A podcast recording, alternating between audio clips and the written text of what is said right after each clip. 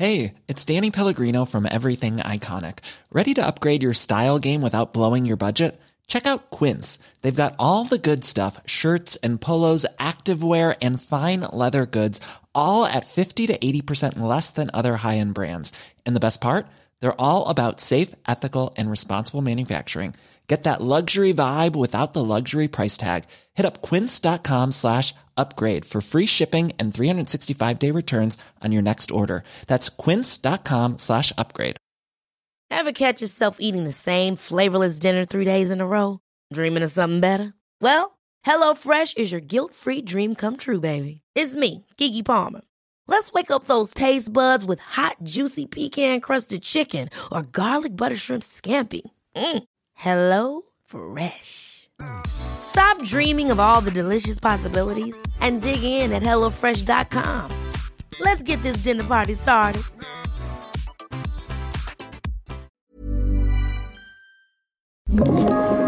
Podplay.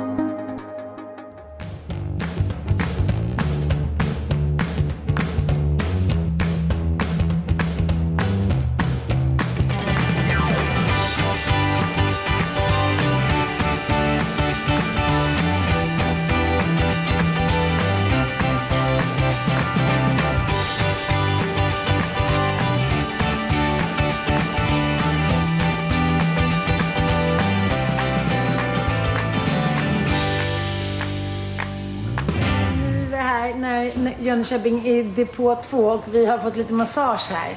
Eh, hur känns det? Det var så Ja, fruktansvärt. för fan. Med nollan hörde ni i Motala. Mamma, du hade rätt. Vi skulle satt på så här värmefossing här. Hej och välkomna till Vätternrundan. Jaha, men jag, jag bara, jag bara så här undrar en sak. Jag vet att när du sa till mig i början på året att du skulle göra en svensk klassiker. Då sa jag, är det här verkligen en bra idé? Som den tråkiga liksom, antagonisten i ditt livsfilm. Du menar med, med att jag håller på att tappa muttan, magen, musklerna, lite sånt? Lite Ja, sånt. ja, Ja, ja, ja. Är det verkligen en bra idé? Det var liksom min första liksom, spontana reaktion. Och då, men man, man hatar ju att vara tråkkärringen. Mm. Speciellt när man har en sån entusiastisk lagkompis som bredvid. Som tycker att livet är toppen i den lilla, lilla runda liksom, fiskskålen hon bor i. Eh, Men vad då? Nu framstår du som att du är så pessimisten och optimisten. Du är väl också jävligt optimistisk oftast? Det finns ingenting i mitt eget DNA som känner att liksom en svensk klassiker är en utmaning som jag taggar igång på. Nej. För att jag förstår att det kräver nästan liksom ett års förberedelser på en himla massa plan. Speciellt för någon som kanske då inte är van att cykla 31 mil i, i, I natta. I natta, i olik liksom, typer av terräng. Mm. Uppåt, neråt. Alltså det går ju riktigt fort har jag förstått ibland. Ja, och eh, då känner man så här, gud vad skönt, nu slipper jag ju trampa. Så då fläskar man ju på. Och jag tänkte så flera gånger så här, tänk om det kommer en liten vildsvinahanne precis framför min cykel. Jag kommer ju flyga så här 2000 meter. Monty Python kommer ju framstå som så Bergmans mest seriösa jämförelse. Ja, men innan, Nej. vi, innan vi hamnar där så tänker jag, hur känns det? Nej men nu sitter jag ju här i din och Joels säng och är, liksom, är ändå ganska nöjd med livet. Men det känns lite som att jag har varit ute i fält. Mm, och det. Mm. har det ju faktiskt varit, för jag pratade ju med dig efter, men vi kommer ju tillbaka till det. Så berätta då, hur var det på vägen ner? Var det tjo och tjim och liksom, det här ska bli skoj? Eh. Jag pratade ju nämligen med dig i telefon typ tio minuter innan du skulle åka. Då, då var det inte lika muntert längre utan en anledning. Dels hade jag haft en magkörare dagen innan så jag var ju så här som ett hologram typ. Jag satt, eh, hade bajsat ut allting. Vi hade ändå kolhydratat. Det, var ju också, det blir också lite, liksom, det blir en, en, vad ska man säga, jag har ju kolhydratat i flera veckor nu. Tycker så här, men det, jag tar, jag tar pizza, jag tar chips med dipp i. Äh, jag, jag kan ta lite till, jag tar en portion till. Och nu har jag liksom inte riktigt gett den effekten som jag. Nu bara sitter byxorna hårt. Jag bara, trodde jag skulle vara en utmärkt cykelvandrande pinne som bara så här, gick omkring med baboons ass. Nu sitter jag ändå här med en kopp kaffe, ganska nöjd och rund och glad.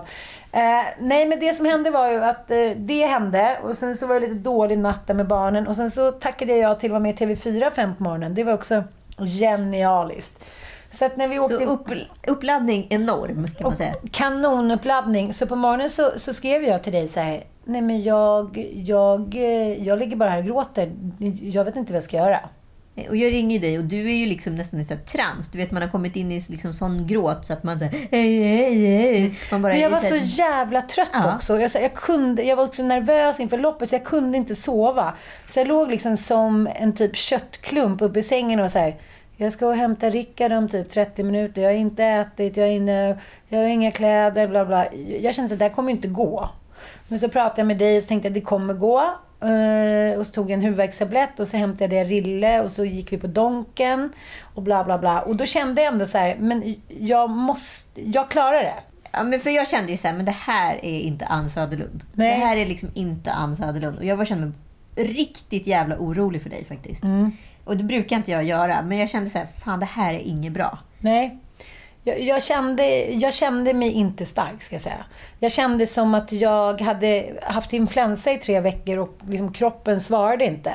Och då kände jag så här, okej, man ska springa, liksom, springa en mil, eller tre mil eller Vansbrosimmet. Då kan, det känns ändå som att det är någonting annat än att köra 31,5 mil under en hel natt. Ja, men plus att du är ju inte heller en väldigt tränad cyklist. Nej, det kan man inte säga att jag är. Så att det, det var ju liksom, självförtroendet kanske inte heller var på topp. Nej, Men sen är jag ju en guldfisk. Sen är du en guldfisk och ibland ska man vara tacksam för att du är det. För att uppenbarligen så... eh, Liksom, du lappade ihop det där. Jag kom, vi kom till Motala, vi träffade resten av gänget och det var någon sponsmiddag där. Vi käkade köttfärs och spagetti, jag petade i mig lite. Och Rickard hade med sig ringblomsalva och ja, vi kan ju lyssna lite här.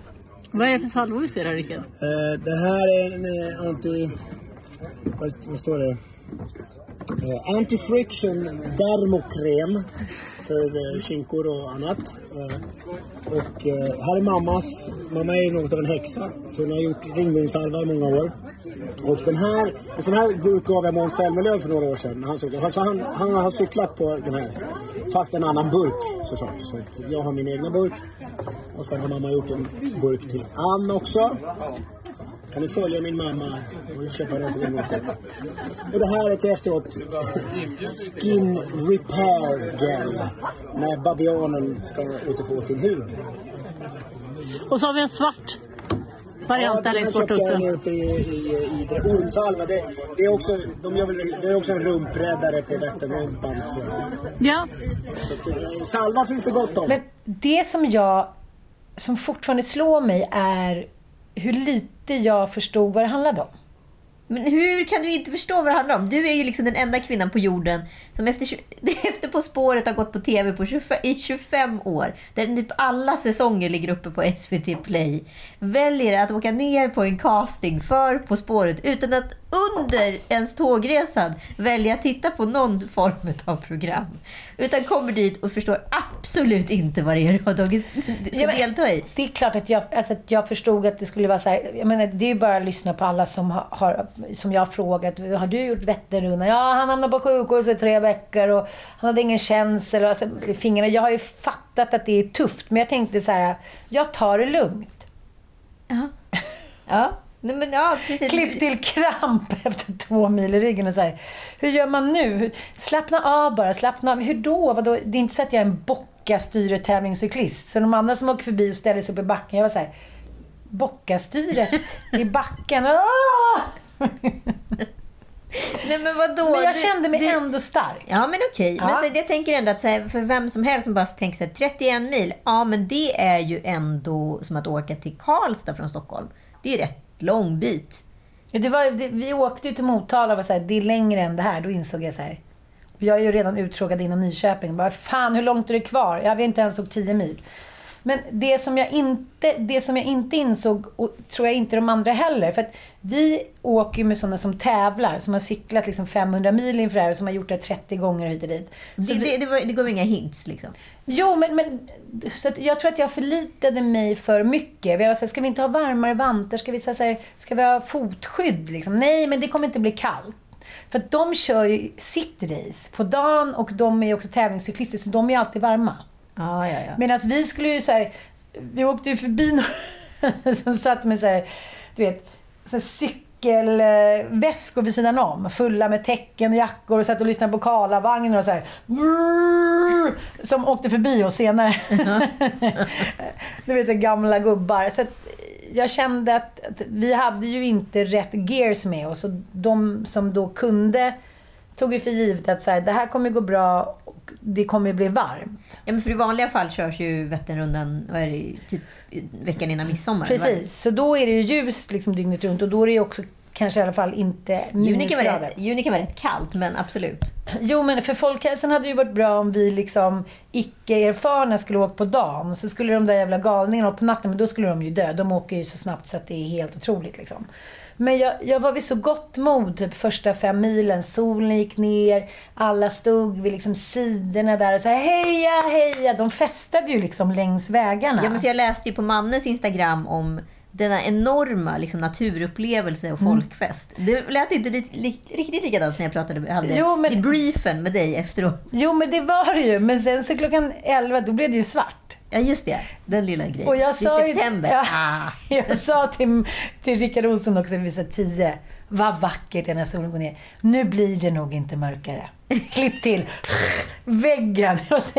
Jag, såg ingenting. Så att, liksom, vi var verkligen vid gott mod. Vi hängde lite med en klunga, bla Och bla hur bla. mycket är ni, vad- är ni på för milantal när solen har gått ner då? Ja, men då är vi kanske på 4-5 mil. Ja.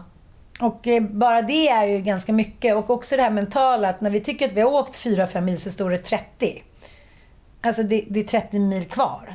För nu är Vätternrundan en och en halv mil längre. Jaha. Och för någon som inte har cyklat så himla mycket så är en och en halv mil otroligt mycket.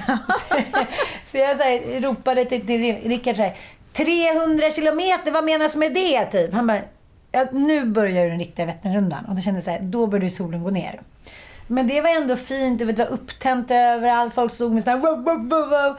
Alla liksom festade och krökade. Husen ligger extremt nära första milen. Så man såg så här, skål! Heja, heja! Barnen skulle säga som Giro d'Italia. Ta en med händerna så här.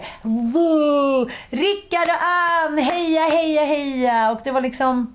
Det var folkfest. Det var Giro d'Italia. Klipp till. Klipp till Jönköping. Jag var så här. Hallå? Hallå? Eh, jag sitter och pratar med en amerikan som är så här, sitter med linda, lindat huvud med gasbinda och så här. I'm so fucking cold. I'm, I have to make it. Så här, I need the fucking medal. I need the medal. Typ. Eh, och då var vi så lyckliga för då hade vi hört, då kommer vi till Jönköping, du har en hockeyhall. Vi ska få lasagna, lasagne, typ. ett glas vin. Det var på den nivån. Så kom vi dit och står de där tälten där, öppna tälten. Vi säger vad, eh, ska vi inte gå in så nej det är corona. Men gröt och köttbullar finns där. Det är ingen som tänkte på heller att... Nej, så då är det öppna tält och så fick vi en liten filt och skulle vi sitta, och sitter någon tjej bredvid mig och hon säger vad är det här? Jag lägger av, jag håller på, hon sitter med skidhandskar. Jag är så här, jaha, och då har jag lånat ut mina handskar till, till Rickard för att han fryser så mycket. Hans fingrar är liksom som pinnar. Men jag känner mig ändå ganska stark och hon är här, jag ser på dig, du kommer klara det. Klipp till, titta ner. Då har Rickard somnat under en Röda Korset-filt. Jag är så här, kanoners, då var det bara 20... Ja, nej, det var 26 mil kvar. Okej, då tänkte jag att jag... Så jag bara, kom igen nu Rickard, nu måste vi sticka. Fick du vilket liv gubben? jag fick liv, men han ligger ju och snarkar. Nej, men det är det roligaste jag hört. Jag bara, jag var så här, okej, då... Och då Mitt i Vätternrundan så lägger den så snarkar. Ja, men det kan man också göra. Så att vi då... eh, Men det är kallt alltså? Det är kallt, så att vi, vi tar då våra skor. Vi har ju ingen sån här benskydd eh, som de andra har. Så att vi tar då, eh, tejpar våra skor. Det var en krigsskådeplats. Vi lyckas köpa några liksom, lite mer eh, cykelhandskar. Eh, Rickard kommer på den briljanta idén att han tar då sopsäckar som vi har som korta klänningar då mot skydd. Så att vi ser ju liksom ut som Ja, som att det är ett krig. Ja, det, det, ni cyklar alltså i plastpåsar och gaffatejp?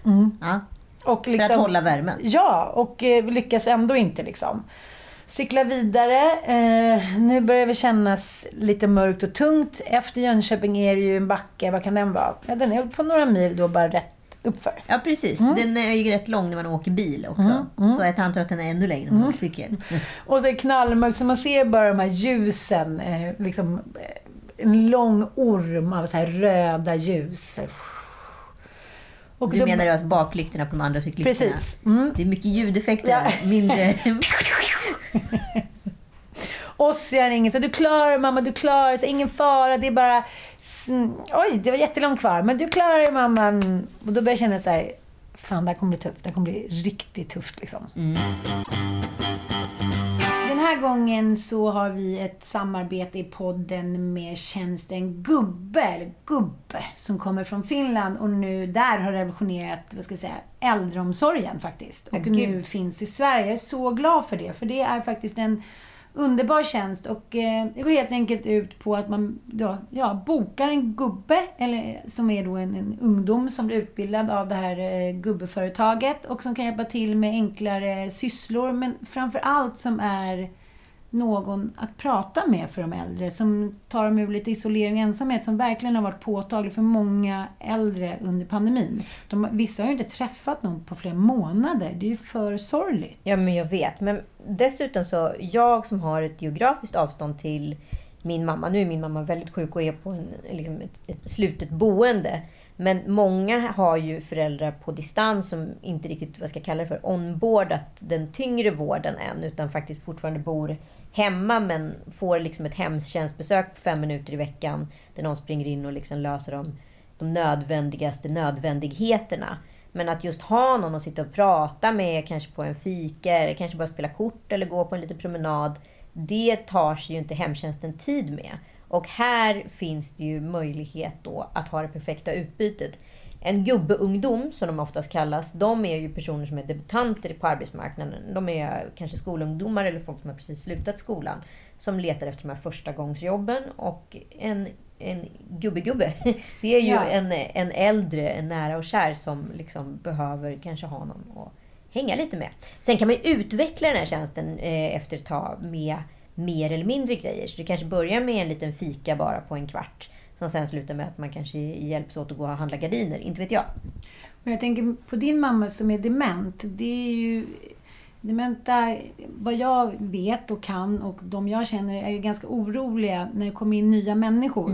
Om man då har en gubbungdom som kanske kommer någon gång i veckan ja, under en längre period så blir det också en win-win. Ja precis, för första besöket som Isabelle hade hos min mamma, då var ju min mamma rätt orolig. Så hon var glad men väldigt blyg men, och försiktig. Men var väldigt glad och gick och visade upp bilder och foton och visade upp sin lilla lägenhet där som hon har. Var den där bilden när du äter hummer i Miami? Ja, den bilden. Det är hennes favorit. Ja, det är hennes favoritbild. Ja. Eh, nej, men, och, gång nummer två när Isabelle var där, då kände ju min mamma på något konstigt sätt då trots allt igen henne. Det kanske är dofter, jag vet inte för hon känner ju inte igen mig när jag kommer en gång i liksom, kvartalet. Men eh, jag tror att just den här repetitionen, att Isabelle kommer rätt ofta, det påverkar. Och nästa gång ska då också Isabelle ringa mig på Facetime, ska vi se hur det går. Och Gubbe sätter ju också ihop ungdomar som kanske har samma intresse som den äldre. Jag läste lite på deras hemsida. Det handlar om allt från matlagning till boll till att gå på museum. Så, här. så att man behöver ju inte bara vara hemma heller. Nej, nej, nej, utan man utvecklar den här tjänsten tillsammans med sin nära och kära precis som man vill. Nu har vi tillsammans med Gubbe ett så jäkla fint erbjudande till er. Det är att ni får alltså tre veckor helt gratis utan bindningstid. Om ni bokar ert eh, besök på se.gubbe.com slash lillelördag. Och ni får ju såklart hjälp av Gubbes handledare på plats. Och Prata med handledarna där och snickra ihop den här tjänsten baserat på hur din nära och kära vill ha det. Så ni kommer överens om det här tillsammans. Och det kan vara utomhussysslor, hemhjälp eller hjälp med städning och matlagning. Eller bara sitta och prata lite. Det där bestämmer ni tillsammans. Precis. Lycka till! Lycka till gubbe! Och sen så cyklar vi där på vägen och eh, vi har inga pannlampor. Jag vet inte vad som har hänt, men pannlamporna är inte med. Vi håller på att frysa ihjäl. Jag ser människor som så här, cyklar förbi dunjackor. Jag så, men alltså, vi hade ju behövt underställ, eh, liksom yllestrumpor, i, fotilägg, det som de hade. Men då kommer vi till nästa depå. Då säljer de ju grejer. Vi bara, ja, vi vill köpa en varm jacka. De bara så här, ja, vi har ju såna här tunna vindjackor. Alla är liksom tagna på Ja. sängen. Och eh, jag tror att i yran över att äntligen ett lopp får gå av stapeln efter corona. Så blir det så att det är väl ingen som riktigt har tänkt på att det dels kan bli väldigt kallt i liksom början på september och dels hur mörkt det är. Så att det blir liksom dubbelt upp. Jag känner att kylan eh, var vidrig, men mörkret var nästan ännu läskigare eftersom man inte är så erfaren cyklist som cyklar. Jag hade 25 mm däck. Oj. Mm. Så att det är så här, eh, helt plötsligt inser jag att Rickard och jag kommit ifrån varandra i någon Ja. backe. Och mina eh, lampor eh, dör ut. Oj. Och batterierna ligger i, eh, på hans cykel på den lilla bakdelen för de har gett batterierna till honom. För vi har, vi har ju sagt att vi inte ska cykla ifrån varandra.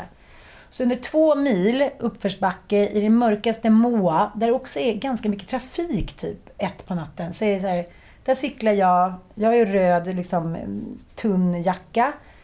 Jag är ju ingen, jag syns ju inte. Och då börjar jag känna, så men gud nu är det ju fara för mitt liv. Ja.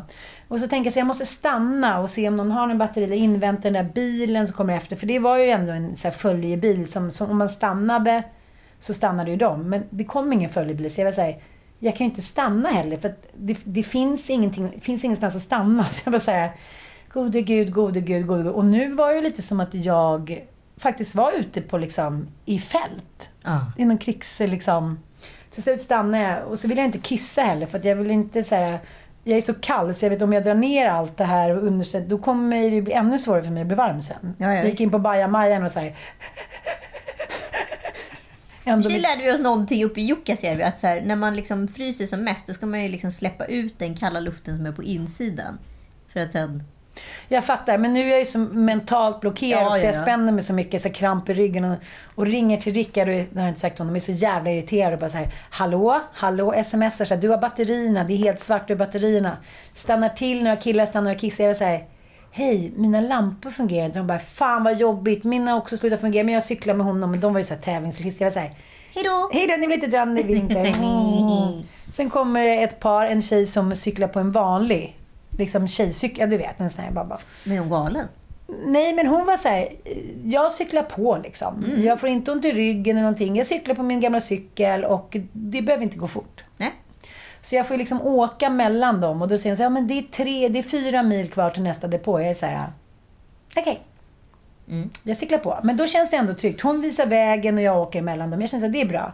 Sen går det en kilometer så står det så här, depå. Då var det liksom en extra depå emellan. Då ser jag Rickard stå där i sin, eh, ja, i sin sopsäck. Jag var såhär, nej men det här är liksom... Han bara, vad tog du vägen typ? Jag bara såhär, vad tog du vägen? Jag har ringt dig. Han var såhär, jaha, jag har inte kollat på telefonen. Och Då går vi in och sätter oss då i värmetältet. Inom feta situationstecken. Där sitter ju liksom någon dansk som gråter. Han säger jag måste, jag måste fortsätta. Jag vägrar ju upp. Jag vägrar ju upp. Vi är så här, okej, en ung kille och tjej kommer in i shorts och bara står och håller om varandra med varsin filt så här. Dricker lite vatten. Jag bara, okej Rickard, hur gör vi nu typ? Han bara, ah, men ska vi inte vara någon någonstans att vi väntar tills solen går upp och då cyklar vi iväg liksom, så vi slipper mörkret. Så där sitter vi i det här lilla liksom, öppna tältet med varsin grå så här, krigsfilt från Röda Korset. Nej, det är det sjukaste. Nej. Känner du då liksom att det här är livets lopp? Nu blir ju livets lopp, som du säger, en metafor. Mm. Mm. Som jag tänker till exempel, en annan kompis till mig står på Kebnekaise nu med så här rimfrost i, i mössan och så här. Det här var en tuff resa upp, men kolla här nu. Alltså den euforin när man har liksom gjort en comeback eller återvunnit någonting som man inte trodde att man skulle klara av. Det är ju så jävla mycket mäktigare än vad man tror. Jag tänker till exempel på ABBA. Men, men ta den här. Det, det, säga vad man vill om deras comeback. Men det var ju ingen tomte på något loft i hela världen som någonsin trodde att de här 75-åringarna skulle stå som avatar eller stå någonstans med nyskriven musik. Ett helt jävla album. Jag menar så här, då kan man ställa sig frågan så här. Men nu var de ju lite korkade. Eh, Vi kommer ju vara döda i miljarder år och de kommer ju bli mycket mer hågkomna om de inte hade gjort det här. Men Det är väl klart på De ett varit, sätt. de hade varit mycket mer kreddiga, de hade hit och dit. Men då kände de så här, vad fan ska vi göra nu då? Ja, men exakt.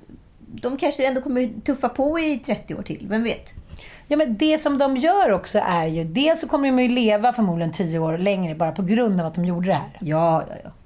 Dels så, så har de liksom gjort någonting oväntat. De har gjort någonting som så kräver någonting sensationellt av de här människorna. Men de har tagit sig an det och de insåg under tiden att de trodde det skulle vara så jävla jobbigt och svårt. Men, det jag var bara är- helt underbart. Ja, men jag är också så nyfiken på hur tankegångarna har varit där. För att, jag menar, det nu pratar vi ändå om ABBA. Det är, liksom, Ja. det är Björn och Benny och Frida och Agneta. Liksom. Det är inte Kent, det är inte liksom Lasse Stefans, det är ABBA. Ja, men då tänker jag så här. Hur kom de fram till att produktionen skulle vara så avskalad?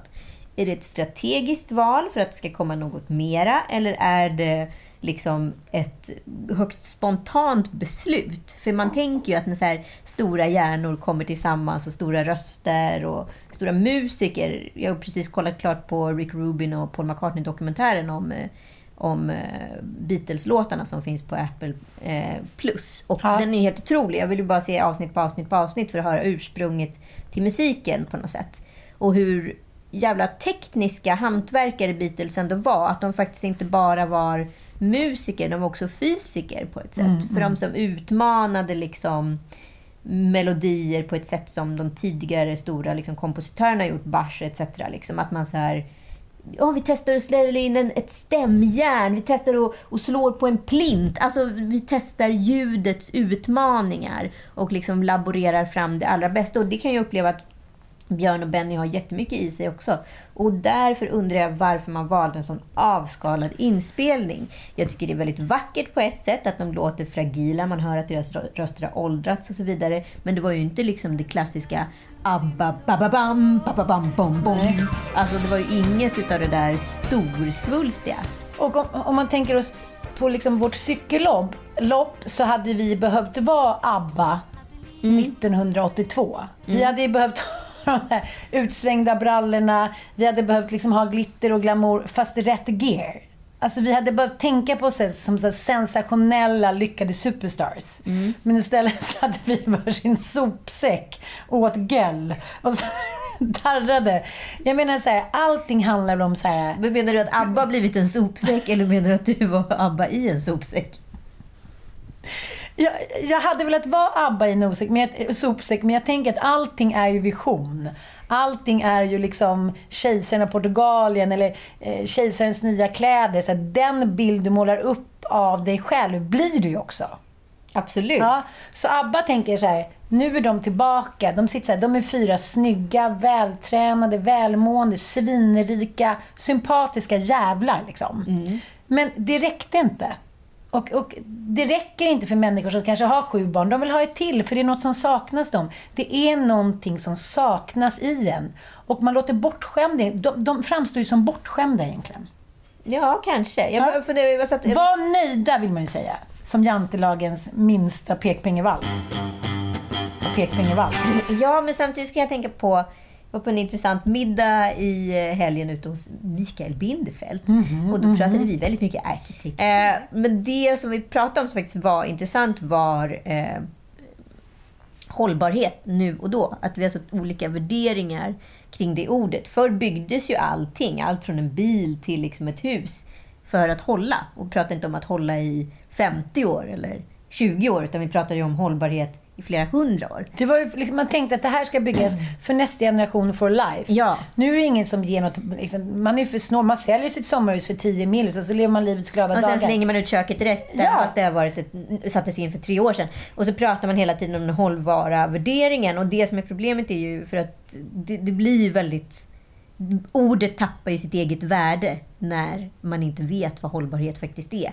Och förr så byggde man ju, det är likadant i Paris, liksom, förr så byggdes ju restauranger som kulturinstitutioner. Alltså alla K-märkta restauranger i Stockholms Sturehof eller Riche eller eh, ja, men, eh, K, alltså Kulturklubben, whatever. De är ju liksom byggda för att man ska kunna i generationer kunna komma in och sitta på samma plats som en annan stor människa. Eller du vet Bergmans plats i, på Teatergrillen i hörnet där den har sett likadan ut sen Bergman dog. Och, och. Prinsen, ja. Ja men du fattar, alltså, restauranger har alltid varit kulturinstitutioner fram till ungefär för 6-7 år sedan när restaurangboomen kom. När det började ploppa upp nya restauranger i Stockholm. Och så gick det man någon i konken, så slängde man ut inredningen, så byggde man en ny direkt. Och så bara allting var utbytbart. otroligt- Pop-ups! Ja, trendkänsligt. Och det finns någonting sorgsamt i det icke-befintliga. Alltså någonting som hela tiden låtsas vara hållbart, men har all annan agenda än. Mm, Och det kan man väl inte åtminstone säga ABBA för att de har ju ändå så här varit nej, vi är den här kulturinstitutionen, vi är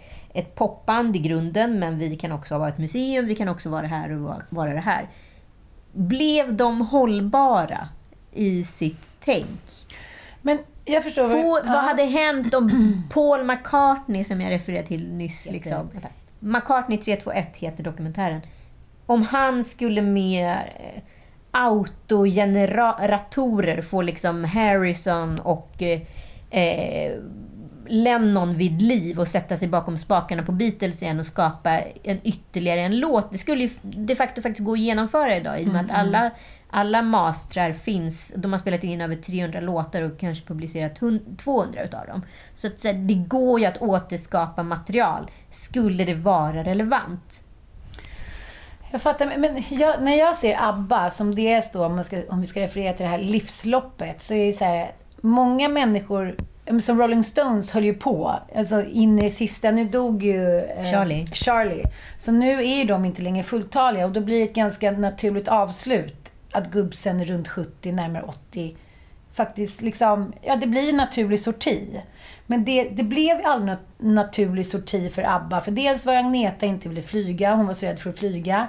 De skilde sig, eh, liksom först eh, Björn och, Agneta och sen eh, Anne-Frid och Benny.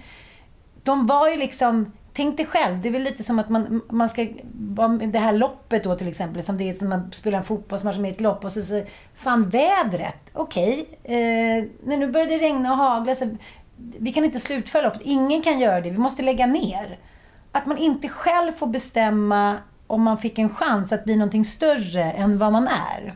Och det tror jag såklart har drivit både Björn och Benny. Faktiskt. Att så här, okej, den- jag tror att det är den här revanschlusten. För att innan jag satte mig på den där cykeln på Vätternrundan, då kände jag så här, nu gör jag det här. Och sen kommer jag nog aldrig mer sätta mig på en cykel igen. Du, du är så? Du har liksom stängt cykelboxen? Ja, men, inte stängt det, men lite så här som annat som man säger, okej nu har jag gjort en del två i min klassiker, bla bla bla, nu kör vi vidare. Så då tänker jag så här, som till exempel nu, om vi går, nu är vi tillbaka här i depån. Mm, I Vätternrundan. Vi sitter och väntar på att solen ska gå upp. Rickard har nio somnat. Hur är liksom situationen runt omkring? Nej, men vi sitter ju kvar i det där Är det tältet. panic room eller vad är det? Ja, men det är lite panic room. Det är inget panic room, men, men det är ju då... Ja, men tänk dig ett partytält, Mm. men som stängs igen då och det, folk går ut och in. Men, Mm. Det blir kallt och ja, liksom- Jag och Rickard, danskarna och Man är några mån mer. om varenda eh, liksom smula värme. Den Ja. känslan. Du vet när man är också, ja men precis den här värmetältsgrejen. Så här, så, nej, nej, nej, öppna inte dörren, öppna inte, öppna, öppna, Mm, öppna. Du vet, man tänker i millimeter och sekunder på något sätt. Du vet ju också när man har eh, åkt slalom och man har frusit fötterna och går in och så här, ska dra en bärs och sen ska fötterna då helt plötsligt tinar upp och man är så här, Det är ju en känsla som jag inte kan likna vid någon annan känsla. Det är en känsla av dödsångest. Ja. För den är oförklarlig och man inser så här, det här har gjort, det här har liksom fått människor att skära av sina ben. Alltså, det är en mänsklig DNA som så tydligt, tycker jag, bara pyser genom ens kropp. Ja. Så vi sitter där inne då, vi sitter på britsar. Röda Korset är utanför. Personalen sitter också med filtar. Jag har gått ut och tagit en massage. Känner ändå så här, nu måste vi dra. Om vi inte drar nu, då kommer vi inte komma iväg. Klockan är 6.08. Sex- På morgonen? Ja, 6.07 s- så ska solen ha gått upp. Då eh, väcker jag Rickard. Eh, det kommer in det här ung, ett ungt par. Eh, jag föreställer att de orienterar i vanliga fall. Bad bitches asses orienterar, det segaste virket i världen. Han har shorts. Aj. Och han har då inte liksom lite mag eller hull som, som jag och Rickard, utan båda de här är väldigt vältränade. Hans tjej har liksom tappat livsgnistan. Hon står och tittar lite så här ner mot golvet. De står och delar på en filt och han säger så här, älskling jag går ut och eh, hämtar en, eh, en kopp, kopp varmt vatten till dig. Och hon är så här, okej, okej. Och jag känner så här, det kommer in någon annan tjej som, som, som vill hoppa upp på britsen, men hon är för kort. Så att hon tycker så här, min kille fattar väl att jag vill upp på britsen så jag kan få lite värme. Men han står bara kvar och tittar rätt ut. Så jag börjar känna så här, men det här är liksom, inte, det här blev ju en krigsskådespelsplats. Liksom. Och jag känner också det mest ogina i människans natur. Jag sitter där med min jävla filt från Röda Korset.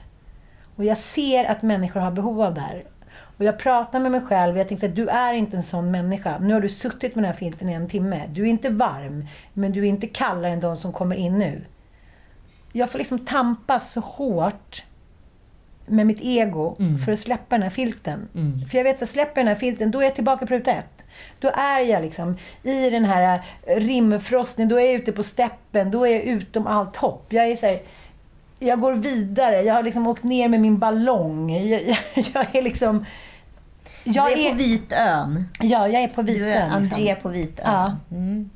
Och när man har läst den boken, den fantastiska boken av eh, Bea Usma. Så inser man så här... Jaha, gav de bara upp här helt plötsligt? Va- Varför fortsätter de inte gå med de där 2000 kilo? eh, de hade med sig tält och hus. Till slut är det så här, det går inte att rå på kylan när den har satt sig. Nej. Så att vi går ut och jag säger så här, nu kör vi. Och jag tänker så här, jag skulle nog ha gjort det. Jag skulle nog ha fortsatt in i kaklet även om det skulle tagit så här 46 timmar. Eh, jag går ut och så ser den där bussen står där som hämtar upp alla som har liksom inte Viker- orkar mer. Viker av. Och så säger jag så här, nu kör vi Rickard. Vi kör, tre, vi kör i alla fall tre, fyra mil till, till nästa depå. Det gör vi bara. Och då säger, tittar han på mig och så säger så jag ser att han håller på att börja gråta. Han bara, jag börjar nästan gråta. Jo, jo, jo, jag ser det så här. Han bara, du är helt blå om läpparna. Det är som, du är så här, du ser ut som att du är död, typ. Ska du hoppa upp på cykeln och dra liksom 16 mil till? Jag var så här, ah, ah. Och då, då kände jag mig verkligen som en, som en människa som inte någonsin har lyssnat på sin kropp. Som skiter i allt, som är så här, men jag dör, jag har fem barn där hemma. Då kände jag mig så här, du är dum i huvudet. För första gången i hela ditt liv, so far. Jag sa inte så till mig själv. Nej, det är klart att du gjorde. Men jag kände så här, men han kanske har rätt. Men om han hade varit så här, okej du är lite blå om läpparna men jag tror att vi kör. Jävla Rickard. Så det bröt. ja, så då fick man skriva på någonting och du vet, det satt så hårt inne. Jag mådde så dåligt. Jag var så här, säg mitt nummer bara. Rickard, du får säga mitt nummer. Och så kom man in på eh, den här bussen och satte sig ner där bak och då började magen tjorva. Ja, såklart. Då kom det. Rickard sa, vi kan inte fisa, för man känner det där sura som är på väg. Vi har alltså stoppat i oss såna här gel, eh, såna här gelédrycker, bla bla bla. Det är så mycket socker i så att det är man ju inte van. Nej, nej, nej. Och han sa, gud det är såna hugg i magen har han ju sagt under de sista timmarna. Jag sa, men ja, hur mycket hugg kan det vara? Och så jag bara, som, du vet, som falsk fis hela tiden. Men när du är inåtfis. Nej men så här, det bara bubblar och det bara hugger i magen och sen så precis när man så här och liksom gör en riktig Anna-Karin Söderlund-fis. Nej, han ska in på festen igen. Han ska in igen. Han ska in igen. Och det där pågår och sen åker den där bussen iväg och jag är så här, kan du sätta på värmen snälla? Och värmen funkar inte så jag ligger där bak liksom och fryser. Somnar väl till, vaknar av att bussen åker iväg, somnar till igen, hör Rickard snarka vidare. Vaknar av. Jag lägger mig då där bak, du vet, på en sån här klassisk så här ved, vedholmsbuss typ. Ganska smal brits, lägger mig ner, lägger mig liksom med stjärtamentet och kroppen utåt, ligger inåt och försöker så här värma mig lite. Och vaknar av att jag släpper ut 200 knivar i magen. Den falska fisen har blivit en fräsarfris. Hela festen skulle gå ut samtidigt. Uh! Eh, hör någon skratta till lite. Jag är så här, nej, det är så mycket förnedring. Jag sitter alltså med en sjal över huvudet, så här, värmesjal, i en soppåse. Jag har tejpade fötter. Jag är så här, grå i ansiktet, hår. Jag bara, värdigheten är så långt borta. Och där och då kände jag så här, imorgon ska jag upp och cykla igen. Nästa år ska jag naila det. Jag ska cykla med den jävla medaljen och jag ska göra det bra. Men alltså, Där kom Men- mitt ABBA-moment. Men- Där blev jag en amatar. En anatar. Mm.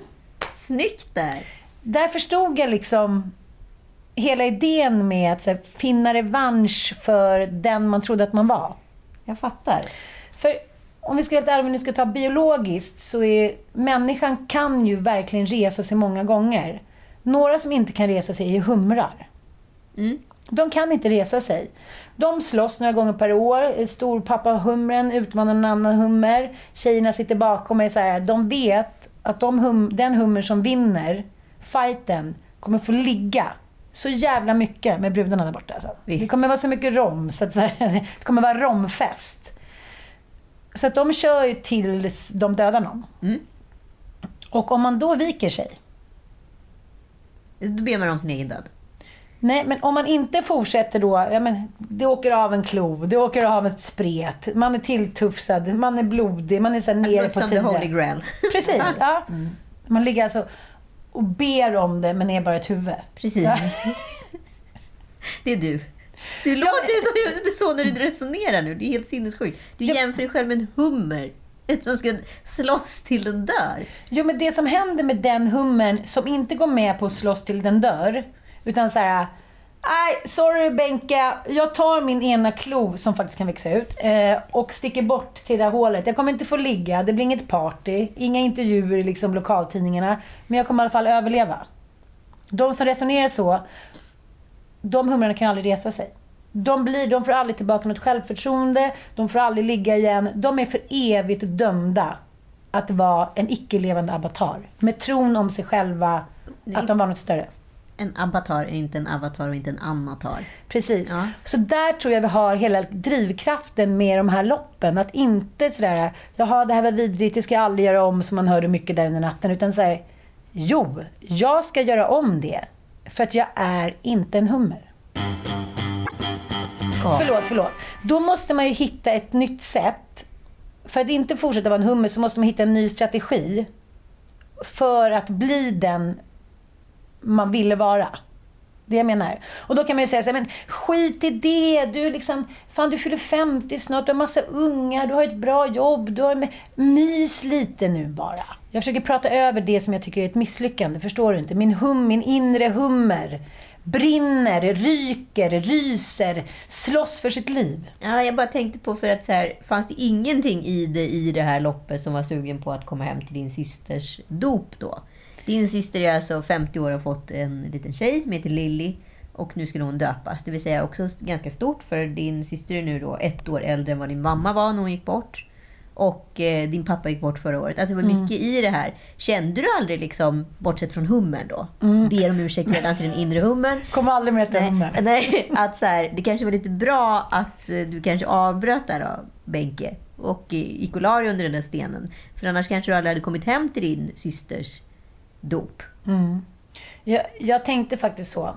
Jag ska erkänna det. Jag tänkte så någon gång. Och jag tänkte att det var moget. Och jag tänkte att det var vuxet. Och jag tänkte att det var att ta hand om människor man älskar. Och de som man vill ska älska en tillbaka. För det är ändå lite på koalitionskurs nu med den inre hummern. För den inre hummern bryr sig inte om någon annan än sin egen överlevnad. Så du menar att så här, ABBA, alltså, ABBA slåss nu med sin också inre avatar.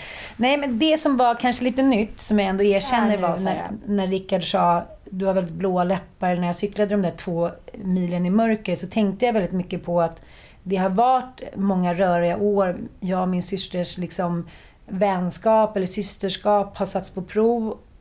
Och det har varit gånger när, när jag har lovat henne någonting så har jag inte riktigt kunnat leva upp till det. Och då, då tänkte jag kanske någonstans att så här, om jag ska cykla nu 20 timmar till och komma hem som ett vrak och knappt kan gå hit och dit. Då kanske den där dikten som jag ska läsa inte blir så bra. Så egentligen, kontentan av det här, att man måste vara någonstans på ett bra ställe och man måste veta vad man gör för att kunna gå tillbaka och bli en avatar. För orsaken till att ingen bygger hållbart längre, eller vi har börjat göra nu för vi har panik för vårt ego, eh, är ju att när Gud och kyrkan inte fanns längre så fanns det ju ingen stolthet i att man ska säga då ska sonen min ärva gården och då ska de få skärgårds, skärgårdsön där ute och så ska lille Per, han ska få ärva guldsmyckena. Nu är det ju bara me, myself and I. Just det. Är du med mig?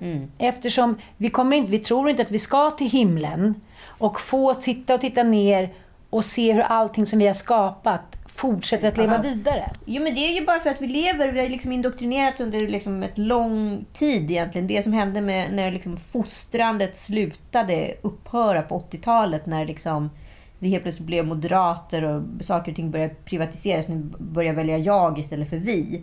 Det är ju liksom en indoktrinering i ett jag-samhälle som liksom är en superkapitalism liksom, i slutändan. Alltså det är ju, och nu kan vi liksom inte komma ur kapitalismen ur vårt system i huvudet. Och eh, ABBA, vill de att vi ska tänka ett varv till eller vill de göra ett bokslut på en era? Vad vill de med det de har gjort? Jag, kan inte, jag, jag vill veta de stora frågorna i det här. Varför vill du hoppa på den där cykeln igen? Varför är du inte nöjd? Jag tror att det handlar om att, man, att det är så otroligt åtråvärt för människan fortfarande att vara en del av någonting större. Ja. När man cyklar då med alla de här människorna som också kämpar. Men som också kände du att det var nära Gud liksom, på något sätt? Jag kände att det var nära att förfrysa. Jag, nog...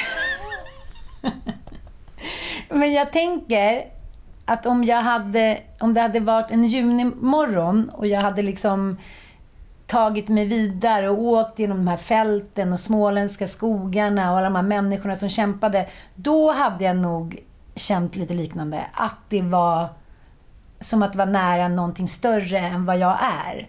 Och hela mänskligheten har gått ut på att så här, vi måste hjälpas åt för att överleva. Nu behöver vi ju inte det längre på samma sätt. Och, vilket gör oss hopplöst ensamma och eh, hopplöst själviska. För att då vill man ju hitta nästa kick och nästa kick.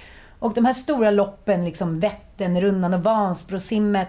Det är också någonting för att man vill visa för sig själv att man är någon del av någonting större och att man kanske inte är en hummer utan man det finns alltid ett sätt att bli någonting mer, någonting större. Och jag, jag tänker så på äldre människor som har kvar sin passion, vad det än må handla om. Musik, arkitekt som jobbar längre. Man ser ju dem, de är vitala, de är snygga, de, de, de vill fortsätta ett tag till för de brinner för någonting. Och så mycket gubbtestosteron som jag såg i målfållan på Vätternrundan. Så gubbar med stor mage och liksom gubbar som så här, rann svett, saltstänk runt munnen som var Ja, Bra jobbat Göran! Fan imponerad alltså! De kunde ju leva på den där bilden av att de var då en cykelavatar resten av året till nästa år. De blev någonting igen. De kanske, frugan kanske hade lämnat dem, de kanske inte blev något bra på banken där, de kanske inte fick någon hög pension. Men de nailade Vätternrundan. Det gjorde de. Men det gjorde inte du. Nu återstår att se att jag är en hummer. Och jag tänker det som Einstein sa, vilket jag också tycker är signifikant Han för det hade också mycket hummerteorier. Nej, men han sa så, han säger... Relativitetsteorin och hummerteorin. Nej, men ibland så kan man ju säga, varför ställde jag mig upp den här dagen? Varför orkade jag vidare? Bla, bla, bla. Man har ju massa saker att leva för. Men Einstein sa ju alltid, det är som, som med liksom matematik. Jag menar, det finns ju någonting, det- det går ju att räkna ut, det går att göra rätt och göra om. Man måste bara fortsätta gå. Det går liksom inte att stanna av, vika till och tänka så här, hur ska jag orka det här? Utan man fortsätter bara gå och någonstans på vägen så lossnar det ju. Ja, jag såg ju om Matchpoint, du vet den fantastiska Ja, ja, ja. Woody, Woody Allen-filmen. Nu får man ju inte nämna honom nästan vid namn längre, men ja, det var en annan tid. Men Matchpoint är ju trots allt brott och straff liksom uppdaterat utav Fjodor Do- Dostojevskij. En liten snygg flört i början där utav filmen så läser han huvudrollsinnehavaren den boken faktiskt om man är lite detaljintresserad. Ja, nog om det. Vad vi har kommit in, ju i. vi har vi ju kommit in i den här rösten utav de här kunniga arkitekterna där ute hos Bindefeld. Det kan inte sluta. Och då... Eh, den boken, eller den filmen och den boken har ju också en intressant variabel i sig där man pratar om vikten av tur. Och det är ju precis som Einstein säger indirekt då, att någon gång på vägen kommer det lossna. Helt plötsligt vet man ju inte hur den där matematiken ska gå till, om det ska bli ett plus eller bli ett minus. Men det vet ju universum där ute. Och ibland så är ju bara tur en faktor i vårt system. Den här gången hade inte du tur. Nej. Men nästa gång kanske du har det. Och det som jag också vill säga, som ABBA. För du har inte sagt någonting hittills. Nej, Nej. men, men jag, för, jag förstår dem att de var så här, vi är större än så. Nu tror alla, nu har alla, liksom, nu har alla en bild av hur det kommer sluta. Vi ska vara så här, skygga, tysta, vi ska leva Men hörni ni, ni, vi hade fortfarande liksom en liten räv i byxan. Som Christer Lindar. Nej men det jag menar är, när man sätter sig själv för utmaningar, vad det än handlar om. När man tror att man inte ska klara det. Och så gör man det där, som människan använder så Ni lite som av sin inte känner till kapacitet. uttrycket räv i byxan, det är ungefär samma position man har bakom örat. Men just En räv i i cykelbyxan. cykelbyxan blir den lite, lite smidigare. Ja, och det är den där lilla världen som man förut och fann i gemenskapen med Gud hit och dit. Så jag tror så här, ABBA ville spela Gud en gång till och de kunde det. Jag kan köra Vätternrundan nästa år. Jag kommer göra, jag kommer göra det bra. Sen kommer jag inte göra det. Liksom, det kommer vara lite då, symbolerna kommer Jag orkar inte prata mer om Vätternrundan nu, snälla. Ja, Jag nu, vill inte höra om nästa års Vätternrunda innan den gå- har inträffat. Den jo, är- nu kommer vi få om den hela det kommer vara året. som när Bettina är med i Let's Dance. Man hör lika mycket om det innan hon varit med som när hon har åkt ut. Ja, det är också Ja. det att, att, att det är lite farligt att vara lite så kaxiga. Men det jag menar är att ABBA kunde vara kaxiga för de visste vad de hade i bagaget. Nu inför nästa år så är jag hummen. Och hummen är ute efter revansch. Tack för oss. Tack.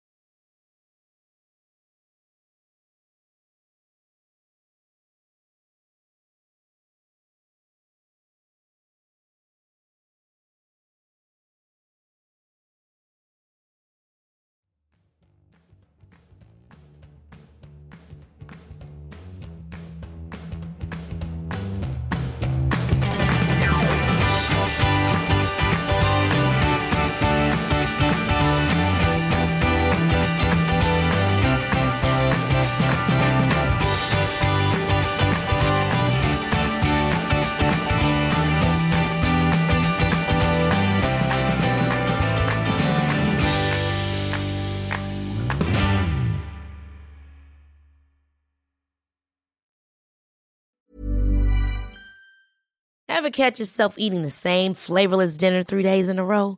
Dreaming of something better? Well, HelloFresh is your guilt-free dream come true, baby. It's me, Kiki Palmer. Let's wake up those taste buds with hot, juicy pecan-crusted chicken or garlic butter shrimp scampi. Mm. Hello Fresh. Stop dreaming of all the delicious possibilities and dig in at HelloFresh.com. Let's get this dinner party started.